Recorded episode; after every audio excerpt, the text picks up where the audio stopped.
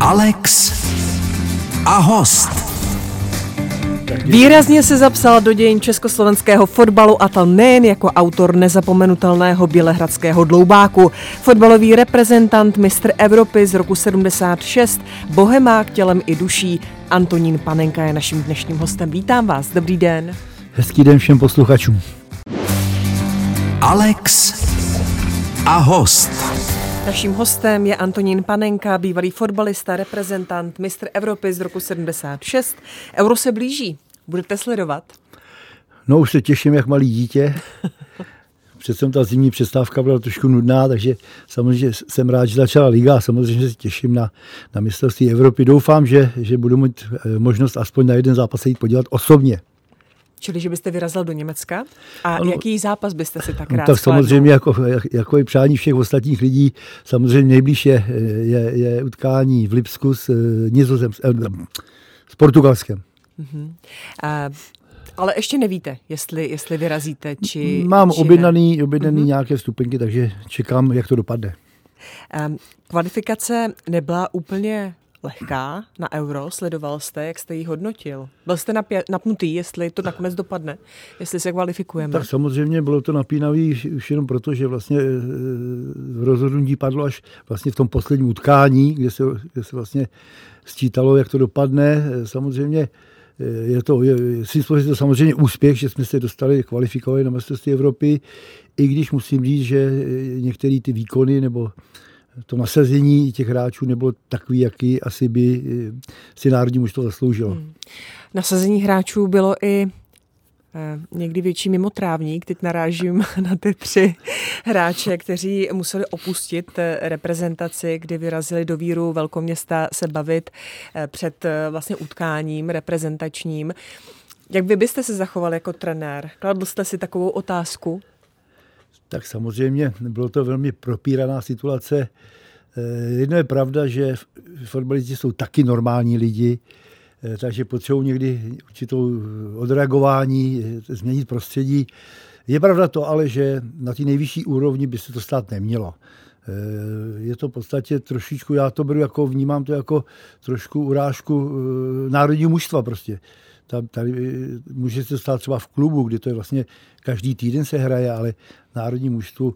Jedno je fakt to, že, že, že ty hráči by měli být potrestáni, ale zase na druhou stranu já si myslím, že eh, ve vědomí lidí je to, že eh, by se mělo i odpouštět, nebo umět se odpouštět, takže si myslím, že by ty hráči mohli dostat zpátky šanci. Hmm. Ale potrestání nějaký musí přijít. Jak to bylo za vás? Děli se takové věci, že jste se vydali za zábavou místo toho, abyste udržovali nějaký odpočinek? A nebo uh, dělo se to, anebo se to nedělo? A vy jste měli třeba i výhodu, pokud se to dělo, že nebyly telefony, nic se nedokumentovalo a byli jste tak jako skrytí ano, tak trochu. To byla, to byla samozřejmě obrovská výhoda, ale ono těch, těch věcí bylo víc najednou. Já když vemu začátky svoje, tak vlastně tenkrát nebyly ani žádný bary, nebyly žádný podniky, kde by člověk mohl strávit celou noc. V podstatě 99% eh, hospod zavíral v 10 hodin. Výjimečně někdy byly nějaký pár, někde v Praze vináren, kde, kde se mohlo třeba být do jedné, do dvou hodin. Eh, samozřejmě my jsme taky nebyli andělé, že jo? takže taky jsme potřebovali občas, ale my jsme to spíš řešili tím kolektivně. My jsme, my jsme většinou eh, po zápase eh, jsme měli společnou večeři s manželkama a samozřejmě tam se pilo nějaký víno, nějaká kořelička, nějaký pivičko. Já si myslím, že to bylo i, i blahodární pro to mužstvo, protože se tam při tom, při tom povídání alkoholovým si člověk řekne takové věci, které si v běžném normálním životě mu na hřišti neřekne.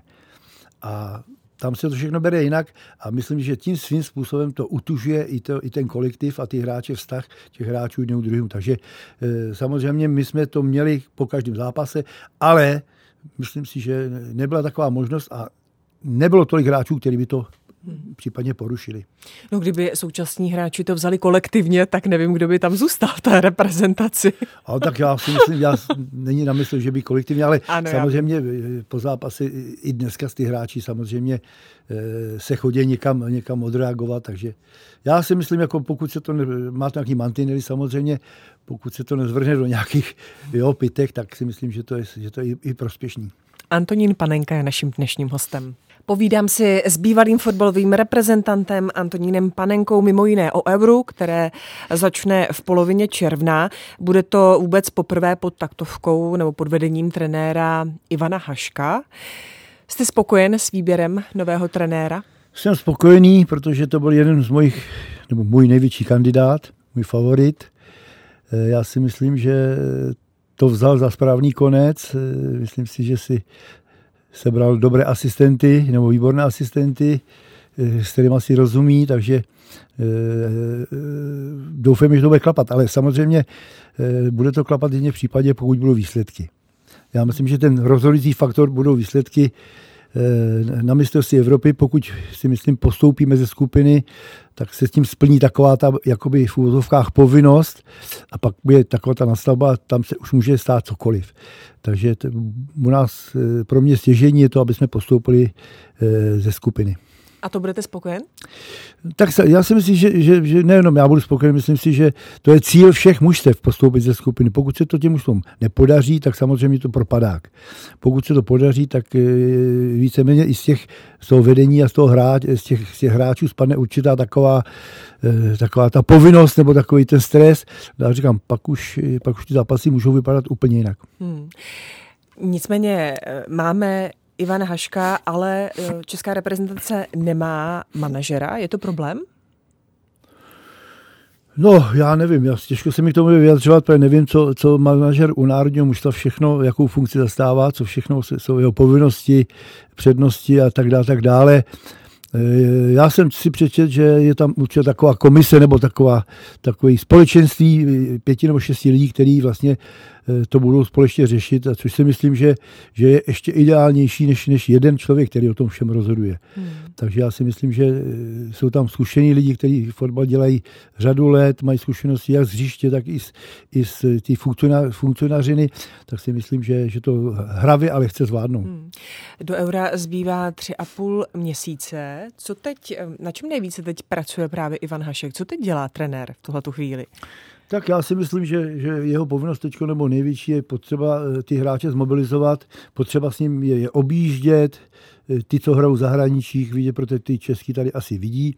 Je potřeba, podle mě, co je velmi důležitý, je potřeba s ním mluvit navázat komunikaci, navázat vzájemnou důvěru, aby ty hráči věděli, že eh, mají společný cíl, že tam nejedou jenom na mistrovství Evropy eh, nasát atmosféru, ale že tam chtějí něco dokázat, že chtějí eh, vyhrávat, že, že chtějí postoupit a tak dále. Takže to si myslím, že asi bude největší.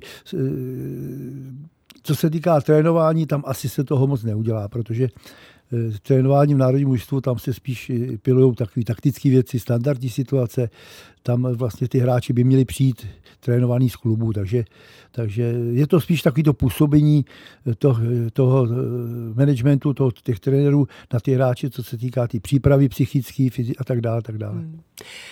Euro proběhne v Německu, takže očekává se asi hodně i českých fanoušků. Jak moc velkou to hraje roli? Jak to třeba působilo na vás, když jste měli na zápasech české fanoušky? Tak samozřejmě fanouš, fanoušci nebo fanoušek je, je důležitá osoba.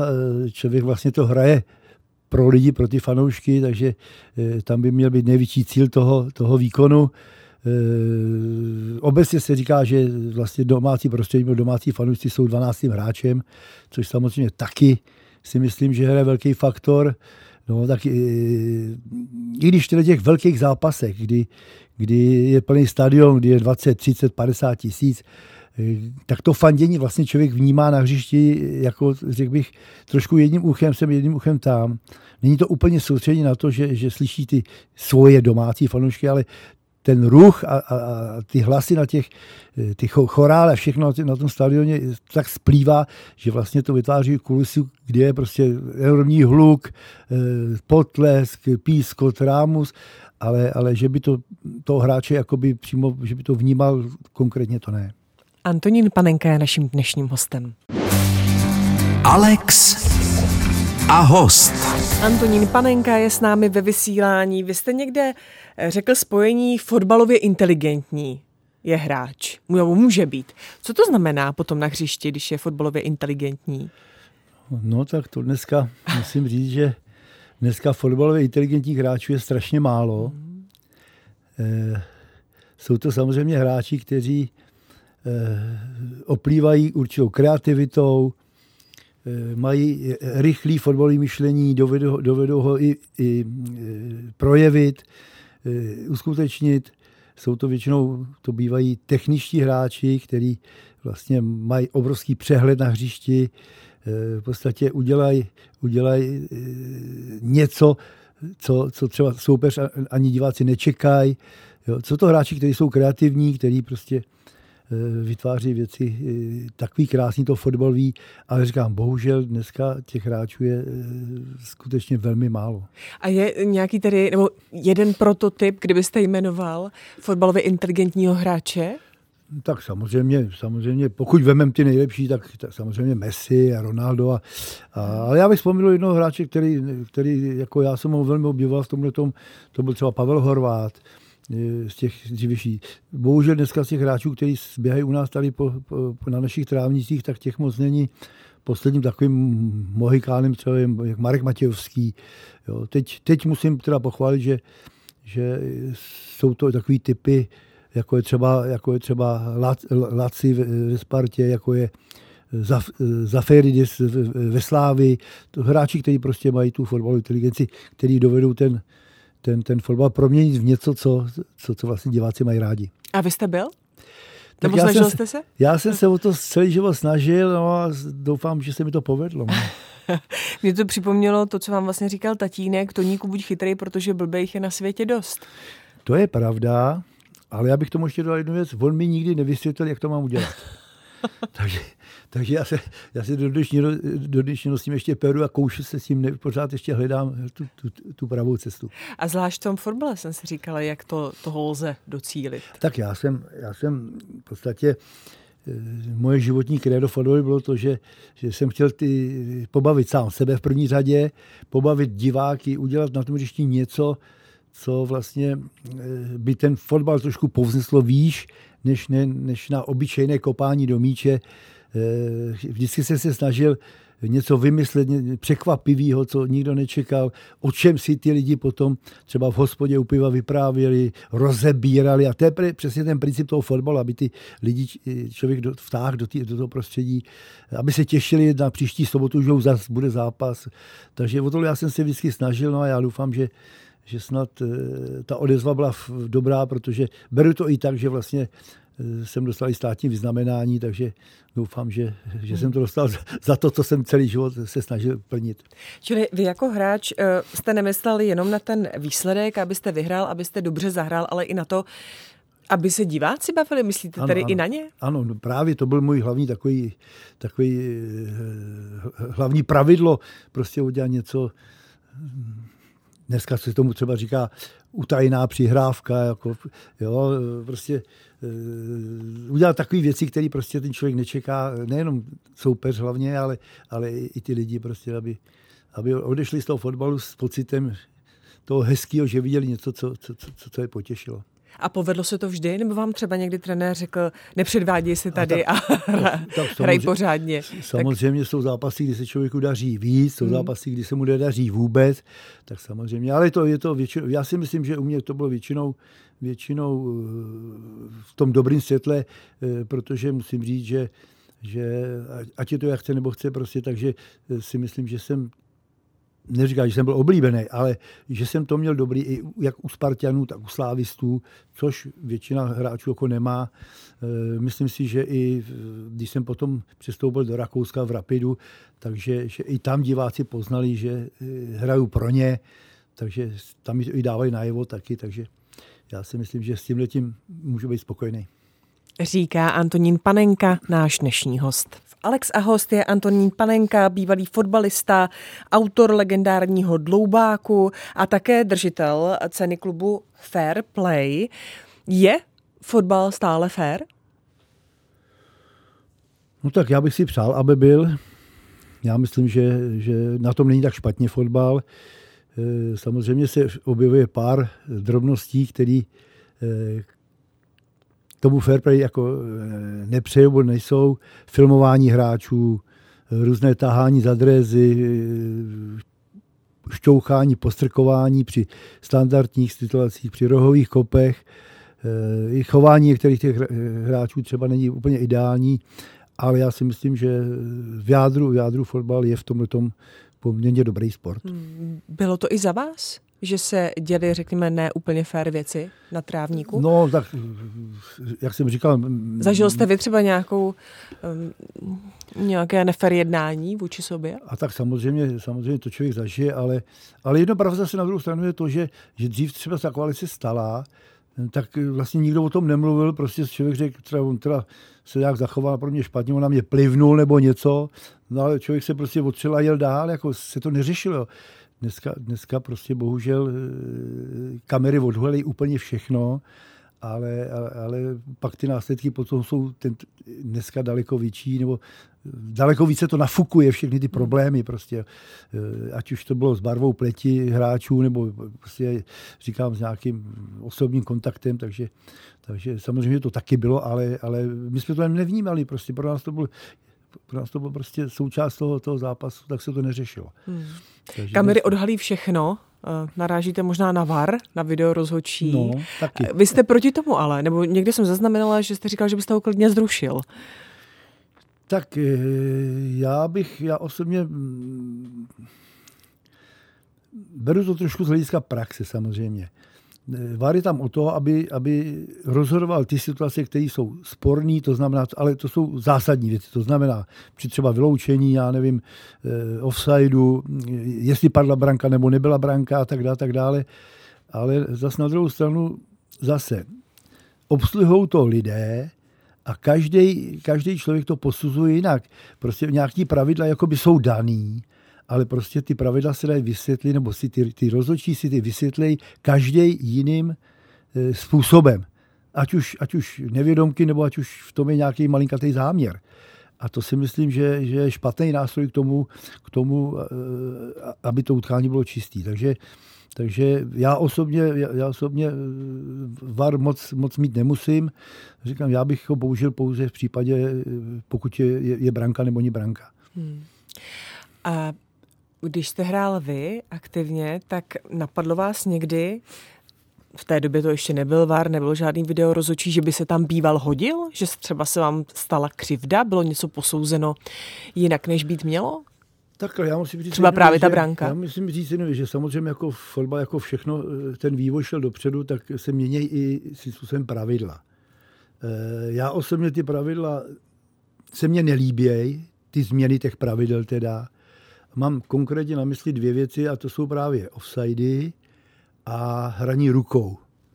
Prostě v té naší době offside byl, když hráč byl v tom offsideovém postavení a bylo úplně jedno, jestli na levé straně, na pravé straně, jestli je umíče, není umíče. Prostě hráč byl v offsideu, tak to rozhodčí tam a nebylo co řešit.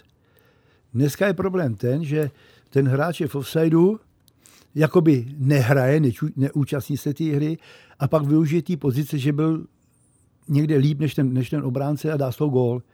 A offside to není. Hmm. Takže tam potom vznikají různý právě ty polemiky. E, říkám, dá se to trošičku ovlivňovat prostě tyhle ty situace a to samé to samý je s penaltama s rukama prostě. Za nás to bylo takový, že když, když někdo prostě zahrál rukou, jestli byla u těla, jestli jí měl, já nevím, jestli se dloubal v nose, nebo já nevím, to je úplně jedno. Prostě byla ruka a nebylo co řešit. Dneska prostě ruka, kdy, kdy hráč na brankový čáře eh, má, má, má ruku u těla, zabrání gólu a ruka není. Tak to já, tohle já nikdy nepochopím. Prostě. Takže to jsou takové věci, které který eh, možná ta stará škola byla lepší. Říká Antonín Panenka, náš dnešní host. Alex a host. Je s námi Antonín Panenka, bývalý fotbalový reprezentant, mistr Evropy z roku 76 a také, jak jsem v úvodu říkala, bohemák tělem i duší. Stále je bohemka ve vašem srdci? Nebo se něco změnilo? No tak těžko se bude něco měnit, protože vlastně ta zelená a bílá barva a to jméno Bohemka prostě eh, asi mi bylo souzený, protože já jsem tam vlastně nastoupil v devíti letech jako žáček Hrál jsem tam za žáčky, za dorost, za B mužstvo, pak jsem postoupil do A mužstva, kde jsme hráli druhou ligu, první ligu. No a vlastně poprvé v životě jsem vůbec přestoupil do jiného klubu, do jiné země. A to bylo, když mi bylo 32 let, takže já jsem vlastně v té Bohemce působil 23 let. A to jsem odcházel do Rapidu Vídeň. A tenkrát samozřejmě žádné informace o tom, eh, co se děje v jiných zahraničních ligách, eh, zejména na západě, tady žádné informace nebyly. Tak jsem si v duchu jsem si říkal, tak když do Vídně, do Rapidu, tak třeba nějaká barva drezu modrá nebo červená, nebo jakou mají, tak ti může slušet, jsem si říkal. A to jsem netušil to, že když jsem pak přišel na, na, na první sraz na Rapid Stadion, tak tam bylo všechno zeleno-bílý zase. Takže tam jsem si říkal, že asi ta zelená a bílá je mi souzená na celý život. No. Takže mm. tam jsem pak strávil vlastně 4,5 roku. No, byly to pro mě, jako řekl bych, možná fotbalově ne, i životně nejkrásnější leta eh, mojí rodiny a, a mojí, jak si říkám, sportovně, tak, tak i, i, i rodině. Eh, udělal jsem tam strašně moc úspěchů, byli jsme dvakrát mistři, třikrát vítězi poháru, hráli jsme v finále Evropského poháru, vyhrál jsem tam gol 30 letí a tak dále, takže pro mě to bylo velice úspěšný. Mm-hmm. Bohužel titul, který Bohemka udělala, vlastně udělal, až když jsem potom odešel já do Biáš, takže ten titul tady z Československé ligy mi chybí, ale říkám, trošku mi to vynahradilo to, že jsem eh, dva tituly získal s Rapidem. No, já myslím, že toho máte dost. Vy jste mi tady prozradil během písničky, že jste zažil modrou kartu, kdy se dávala modrá karta. No tak já jsem teďko jsem, byla taková zpráva o tom, že se uvažuje, že by že by eh, vznikla takzvaná modrá karta, což, což při zápase znamená to, že eh, i když nevím specificky za jaký prohřešek by ta karta byla dávána, eh, Jediný, co jsem slyšel, že by to bylo jako případně za filmování, nesportovní chování a já faul nějaký. Takže by ten hráč dostal od rozhodčího ne žlutou, ale dostal by modrou kartu, což je takový menší prohřešek než žlutá karta. A ten trest je takový, že ten hráč na 10 minut opustí hřiště a po 10 minutách se může vrátit. Tak eh, já musím říct jen, že já jsem to osobně sám zažil na vlastní kůži. Eh, zažil jsem ten, ten, ten pokus, který byl udělaný eh, v rakouský nižší soutěži.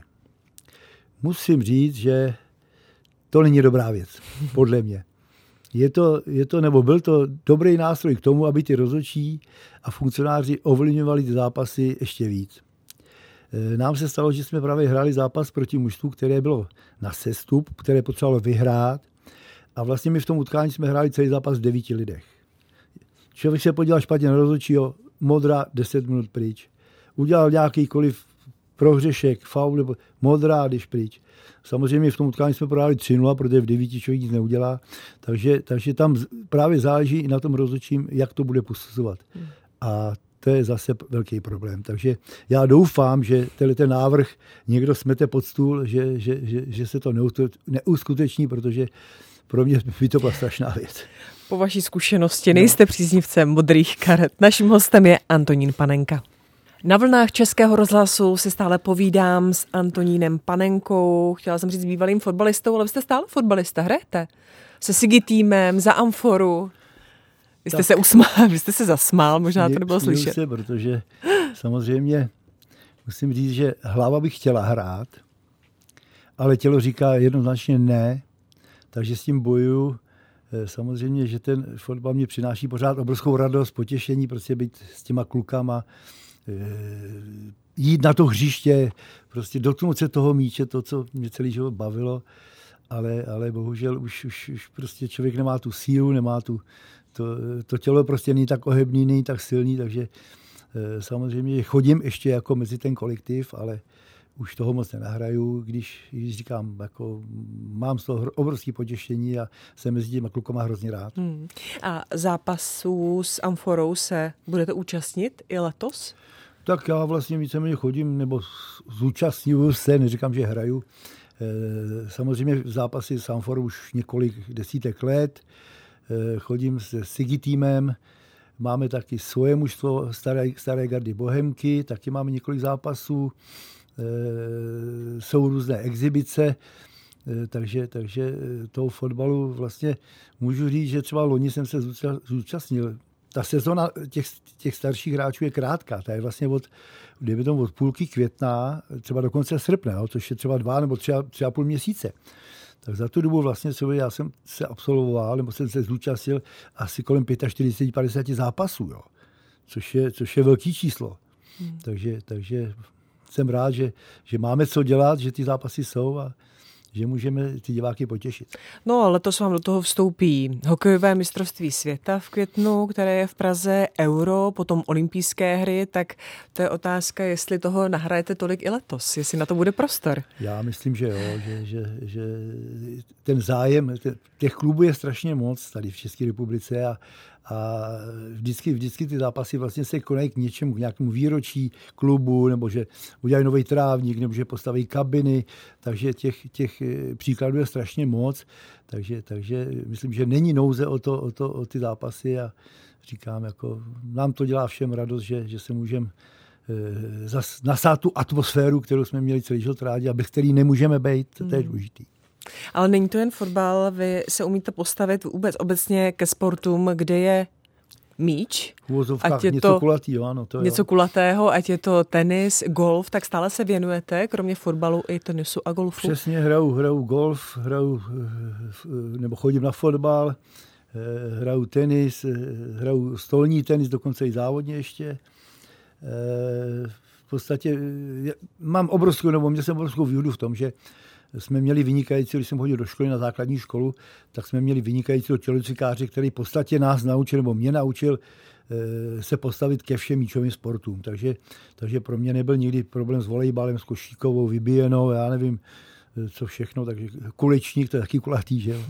takže, takže já jsem jako nikdy, nikdy jsem s tím problémy neměl a eh, hlavně všechny ty sporty strašně baví pořád.